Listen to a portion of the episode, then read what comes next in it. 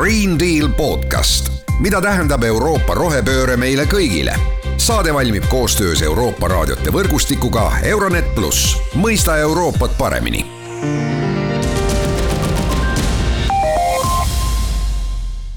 tere, head Green Deal taskuhäälingu kuulajad, mina saatejuht Mart Valner ja täna räägimegi suurest sellest samast Green Dealist ehk siis roheleppest ja sellest, mis siis selle raames just nimelt õiglaselt juhtumas on. ehk siis milles on küsimus? küsimus suuresti on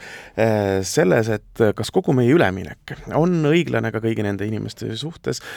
kes praegu kas näiteks Eestis töötavad töötlevas või kaevandavas tööstuses, elavad piirkondades, kus äh,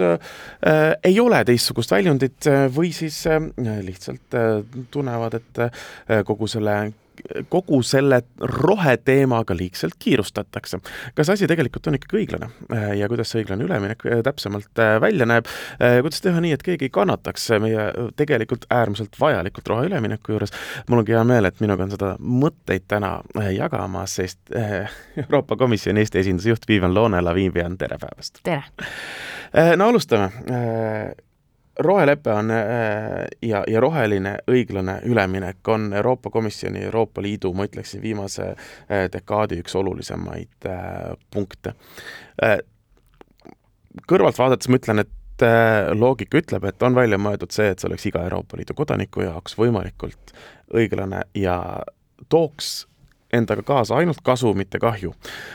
mõnikord tähendab see meie jaoks võib-olla ümberõppimist eh, ja kindlasti tähendab see meie jaoks ümbermõtlemist selle kohta, et eh, mida ja kuidas me enda ümber, ümbritsevast maailmast arvame.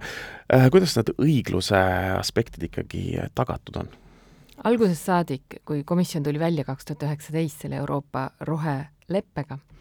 siis seal oli läbivaks argumendiks see, et see rohepööre ei saa toimida, kui ta ei ole õiglane. Peab olema tagatud, et me aitame inimesi, aitame ettevõtteid, kes seal muidu hakkama ei saa. nüüd, äh, kuidas seda teha? ühelt poolt on see, et vaatame neid, kes on kõige haavatavamad, kõige raskemas majanduslikus olukorras, nemad tegelikult tihtilugu kannatavad ka kõige rohkem äh, sellest, mis on tegemata või siis nendest kliimamuutuste tagajärjest. kui vaatame sama korterite renoveerimine, milles Eestist on nii palju juttu olnud, kulud küttele ja energiale, mida korter kasutab, kui me võrdleme kõige äh, halvasti soojustatud maju ja neid nullmaju, mis siin tänapäeval on, need kulud võivad olla kümnekordsed ja te teate, et siis need inimesed, kellel niikuinii on raskem, neil on selle tõttu suuremad kulud. mis me oleme Euroopa Liidu poolt teinud, on, esiteks on see, et kõik need läbivalt need eurofondid, mida me, mida Eesti saab, Eesti puhul me räägime siis praeguse Mm,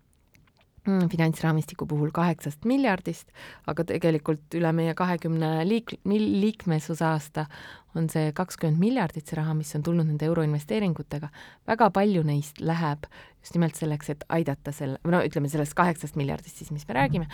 väga suur osa sellest läheb just nimelt ühel moel või teisel selle majanduse ja inimeste rohepöördega toimetulekuks. ja siinsama näiteks korterite renoveerimine või elamute renoveerimine, sinna alla käivad ka eramud nüüdseks,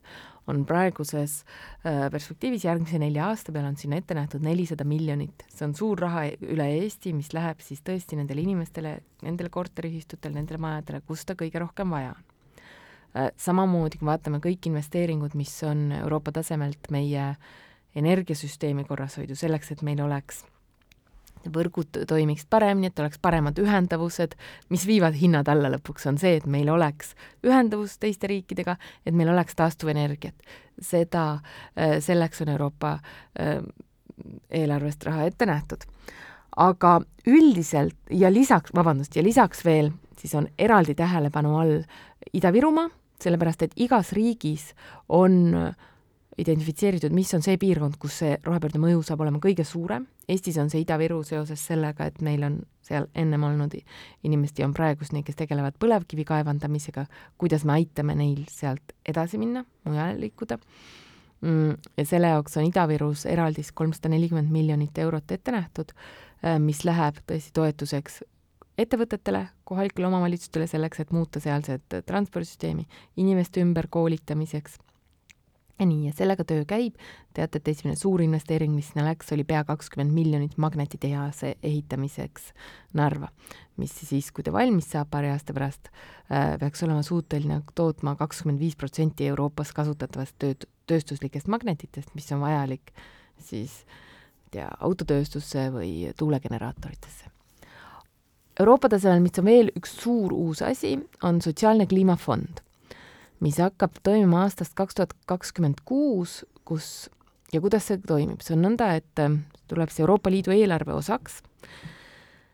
äh, kust see raha sinna tuleb, me räägime kuuekümne viiest miljardist, mis äh, Euroopa Liidu peale tervikuna, kõik riigid saavad sealt raha.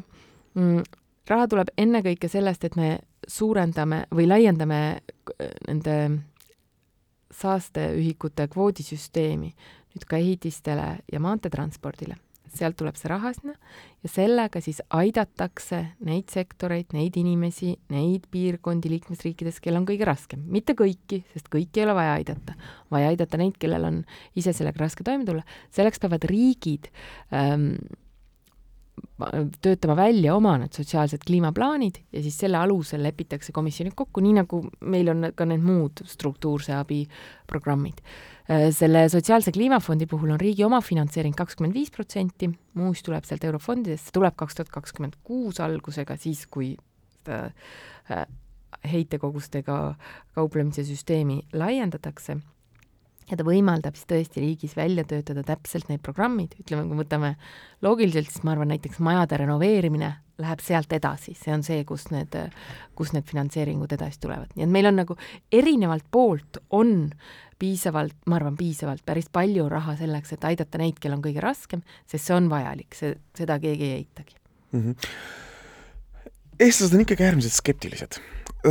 sa räägid hästi palju erinevatest rahadest, mis tuleb, mis on äärmiselt tore äh, ja ma olen kindel, et väga paljud kuulajad kuulevad esimest korda äh, seda, kui missuguses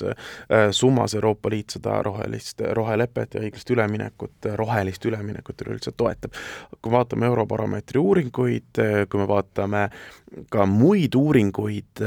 eestlaste suhtumises keskkonda, eelkõige, tähendab, ma nüüd täpsustan, eestlaste suhtumises kliimasse, eelkõige, me oleme äärmiselt skeptilised sellegipoolest. ja, ja kui me vaatame nüüd ka nüüd noh, me muudame seadus, seadusi, tahame muuta seadused, et ikkagi saaks põlevkiviõlitehase tööle panna. samal ajal, kui me räägime õiglasest üleminekust ja rohepöördest. miks me oleme nii skeptilised selles osas, kas Euroopa, kui me vaatame nüüd Euroopa poolt, kas me peaksime, kas see on, kas siin on komisjoni koht näiteks hakata tegema ka mingisuguseid teavituskampaaniaid selle koha pealt või kuidagi tooma inimestele lähemale seda, et kuulge, et see ei ole ainult teie teema, peaksime ikkagi noh, et see on meie ühine probleem ja tegutseme. eks me teeme ka neid teavitus tööd, ma käin väga palju mööda koole, samamoodi ajakirjandus, aga see on kõik, see on nagu meie ühine mure. kui me vaatame selle Eurobaromeetrist, sealt tuleb ka väga selgelt välja, Eesti on see riik, kus on kõige suurem nende inimeste osakaal Euroopa Liidus, kes ei usu, et kliimamuutus on inimtekkeline. no et kuidas see on võimalik, et tänapäeval ikka oleme nõnda, seal on, ei tea, seal on erinevad põhjused selleks, ma arvan, ajakirjanduse roll on siin väga suur, et teha samamoodi seda valgust, selgitustööd mis on oluline, millised on need mõjud meile ja kuidas see, et arvata, et me võiksime edasi minna nii nagu seni, see lihtsalt ei ole õige, see ei ole võimalik, me ei saa arvata, et see küll, see rohepööre on hirmus kallis ja kui me praegu seni, lähme edasi nii nagu seni, siis see maksab meile vähem. ei, ka see on nagu selgelt välja arvutatud, et selle juba praegu need mõjud, mis me näeme Euroopas, kliimamõjud, inimeste tervisele, tööstusele, põllumajandusele ja transpordile, need on juba praegu väga-väga kallid ja praegu on meil see hetk, mida me olemegi võtnud Euroopas nüüd viimase nelja aastaga, et me otsustame ise, kuhu poole me oma tulevikku suuname ja see on see, mis on selle roheleppe loogika. aga Eestis, ma arvan, tegelikkus paneb väga palju paika ka, ka turg, ses suhtes, kui me võtame, mida teevad meie ettevõtted, siis meie ettevõtetel eh, enamik neist, kes ekspordivad, nad ekspordivad Soome, Rootsi, Norrasse, Saksamaale, kus kogu see, et sa suudad näidata, et sinu tootmine on olnud roheline, et sa oled, tegutsed keskkonnasäästlikult, see on hästi oluline. ja, ja see on nii palju, kui ma ise käin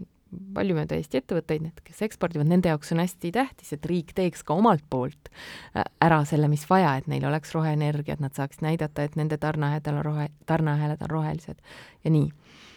mm,. aga mida veel teha, noh,